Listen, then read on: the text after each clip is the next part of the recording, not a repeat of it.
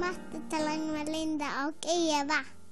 För mig låter det här helt fantastiskt om man kan få med ett helt kollegie i de här frågorna eller kompetensutvecklingspaketet.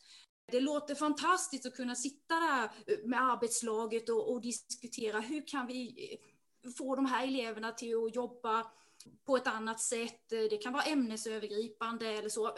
Men mm. att lyfta de här frågorna och kanske se in i varandras klassrum och så vidare. För mig låter det helt fantastiskt. Det är så vi skulle vilja ha det. Vi vill att de ska jobba.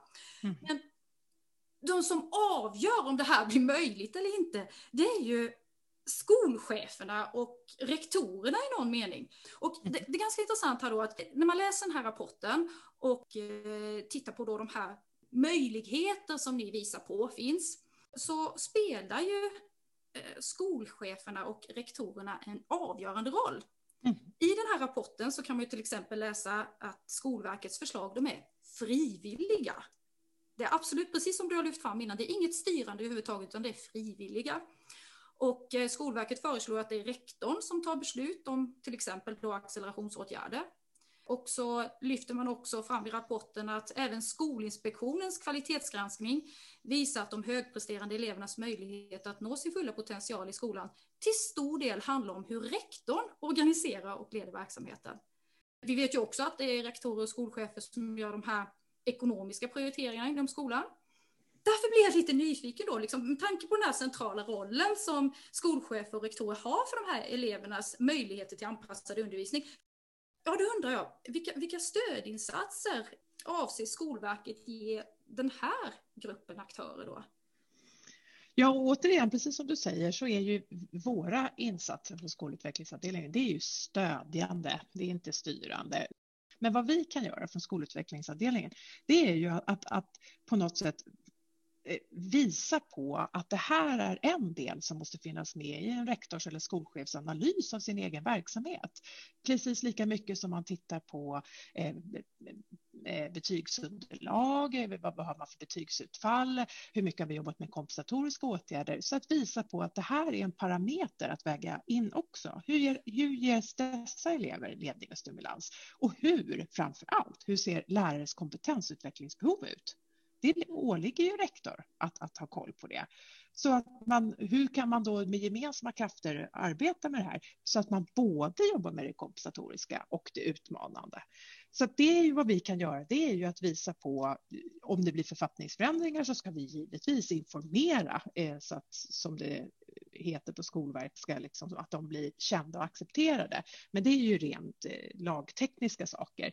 Men vi vill ju också ge ett stöd för att det här är en parameter att ha med när man utvärderar och analyserar sin verksamhet och tittar på vilka behov som man som skola har. Men vilken utbildning, eh, om man säger så, när vi pratar om lärarna så pratar vi om en kompetensutbildning och vi pratar didaktik och vi pratar om olika former och metoder och så vidare. Men vad tänker man för utbildning för de här skolcheferna och rektorerna?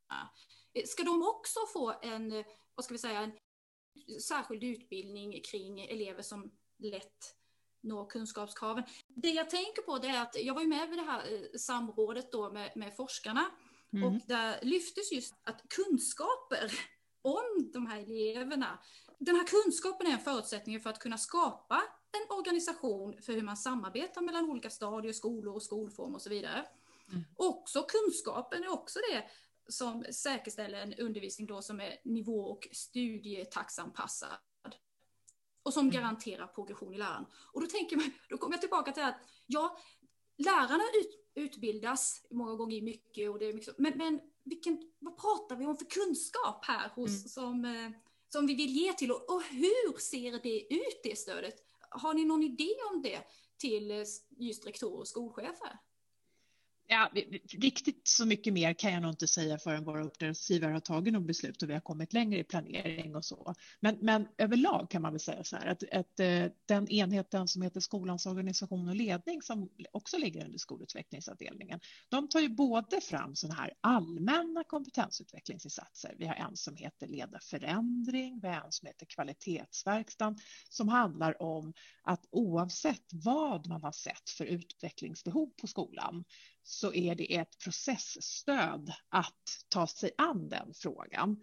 Och då kan man ju ofta, tänker vi ofta så att om det är något specifikt så tar vi kanske fram information och stödmaterial som visar på det här är ett sätt att, att jobba med det här. Men vi, tar, vi, vi kanske hänvisar till är det här en fråga som ni behöver bottna ännu mer i? Låt det vara ämnet för att arbeta med kompetensutvecklingsinsatsen leda förändring till exempel. Det vill säga, den är ett stöd som är allmänt, men välj frågan, innehållet för ert utvecklingsbehov själva. Och där tänker vi då att då kan ju de komplettera varandra. Men, men överlag, så, så det som när vi tittade på, på de här sakerna i samband med den här regeringsredovisningen så är det väl eh, eh, nummer ett handlar väl om att överhuvudtaget väcka den här frågan. Både lärare, rektorer och skolchefer, de står ganska ofta i bränder och det handlar om kompensatoriska åtgärder. Det handlar om hur ska vi ha gett det stödet vi ska ha, hur ska vi göra med kränkningarna som är anmälda och annat. Vilket gör att de här frågorna prioriteras bort eventuellt. Så här handlar det ju om att liksom lyfta, att våga ha med det som en parameter. Hur gör vi för de elever som faktiskt vill ha mer, som behöver utmaningar? Och då behöver vi inte alltid prata om elever som visar det, alltså i form av högpresterande. Det kan ju vara i socioekonomiskt utsatta områden där man kanske inte överhuvudtaget haft tid och ork att att fokusera på det här. Här handlar det ju om att, att vi som Skolverket kan visa på. Här är en modell som ni kan jobba med om ni märker det här är någonting som vi inte har haft på vår agenda hittills och ha ett slags stöd för hur man då kan tänka. Och då tror jag många gånger, Linda, du är inne på att de kanske behöver utbildning, men det handlar ju framför allt, tänker jag, om att vara medveten om att man kanske har en lärarkår som behöver få kompetensutveckling och, och, och organisera sin skola så att det ges möjlighet till det. Där kanske man tidigare har fokuserat just, eh, kanske inte uteslutande, men väldigt mycket på det kompensatoriska. Och det är en jätteviktig fråga, givetvis. Men att överhuvudtaget ha med den här frågan, det tror jag är ett initialt steg. Sen är inte jag något proffs på att leda förändring och kvalitetsverkstan och de delarna, men det vet jag att det är jätteuppskattade processstöd. Men frågan man som enskild skola eller huvudmannaområde väljer, det kan vara olika saker, att man väljer att titta på olika delar av sin verksamhet och då skulle ju det här kunna vara ett exempel. Precis. Jag tänker väl också att eh, eh, medvetenhet kräver ibland viss utbildning. Mm. Så att jag, och det är först när man får den här utbildningen och medvetenheten som man förstår och kanske mm. väljer att lägga tid på att låta sin mm. personal få tid för kompetensutveckling inom olika områden då, som man, som man har blivit medveten kring. Ja, men du, du kanske väckte en idé där. Det kanske är så att den här kompetensutvecklingsinsatsen, alltså att prata allmän undervisning, det är kanske precis som vi har gjort i Läslyftet. Vi har ofta bjudit in rektorerna till både inledande konferenserna. Jag har varit ute på handledarutbildningen på alla våra olika lärosäten så har vi bjudit in rektorerna för att eh, vikten av att de vet vad de här duktiga handledarna som sedan leder sina kollegor faktiskt gör och vikten av att hålla i och hålla ut. Att inte kanske göra en blixtinsats under något halvår eller ett år och sen så nu har vi jobbat med den här frågan. För det vet vi ju alla, i skolans värld så lärare går, lärare kommer. Mm. Ett kollegium är inte detsamma från ett läsår till ett annat, kanske inte ens rektor är det. Mm. Så att eh, där väckte du en tanke men eh, det här att, att göra en hel kompetensutvecklingsinsats för rektorer som fokuserar på en enskild fråga, det tror jag eventuellt inte. Men, men jag vet att man kan kombinera leda förändring till exempel med om det är det här ni har sett i er verksamhet. Det är här vi eh, kommer till korta år efter år. Bra, då har vi ett, ett, ett, stöd för hur ni kan tänka och så har ni ett processstöd som ni kan jobba enligt ett årshjul eller vad det nu kan tänkas vara.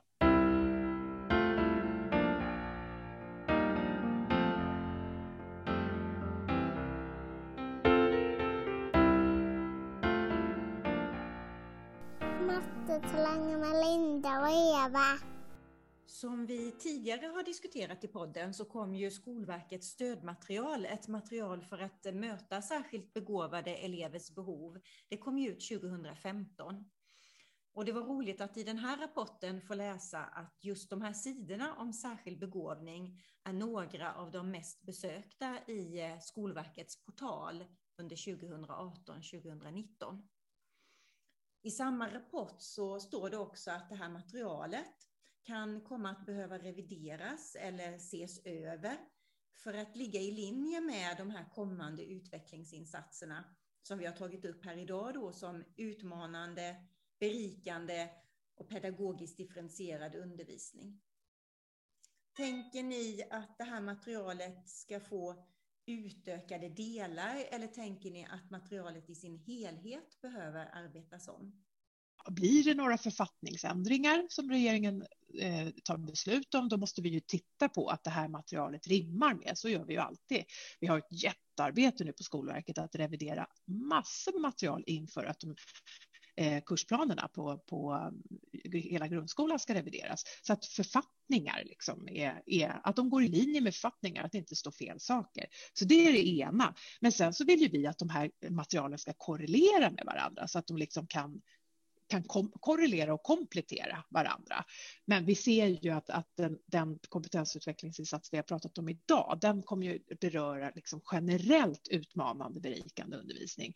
Det betyder ju inte att inte det här materialet ska vara kvar, men de måste ju korrelera. De får ju inte liksom motsäga varandra eller så, här. så det kommer behövas möjligtvis göras en översyn, men någonting annat än så har vi inte tänkt där som är det specifika fokuset, särskilt begåvade.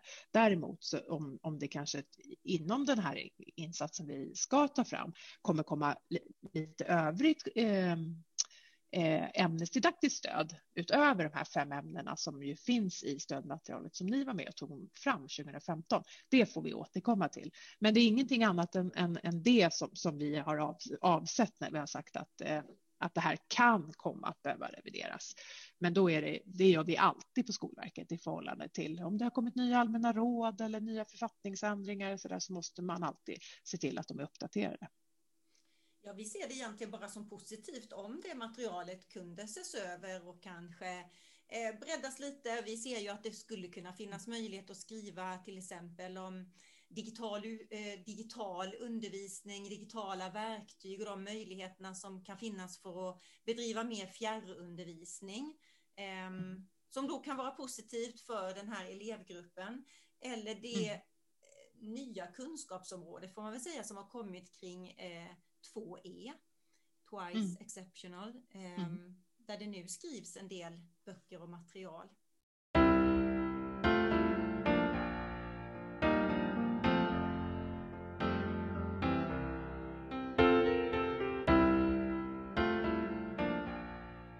Mattetalang med Linda och Eva.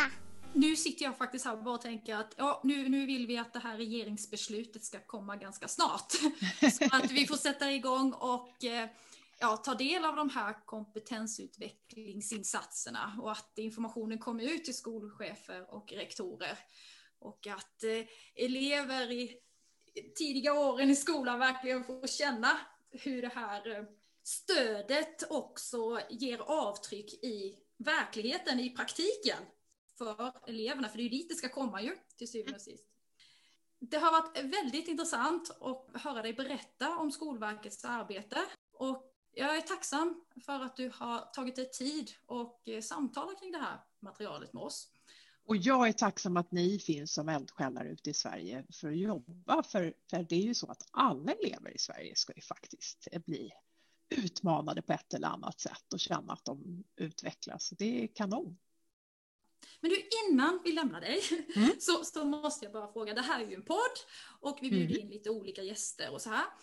Finns det mm. någon särskild hjärtefråga eller någonting som du tänker på som du önskar att vi kunde behandla i den här podden framöver?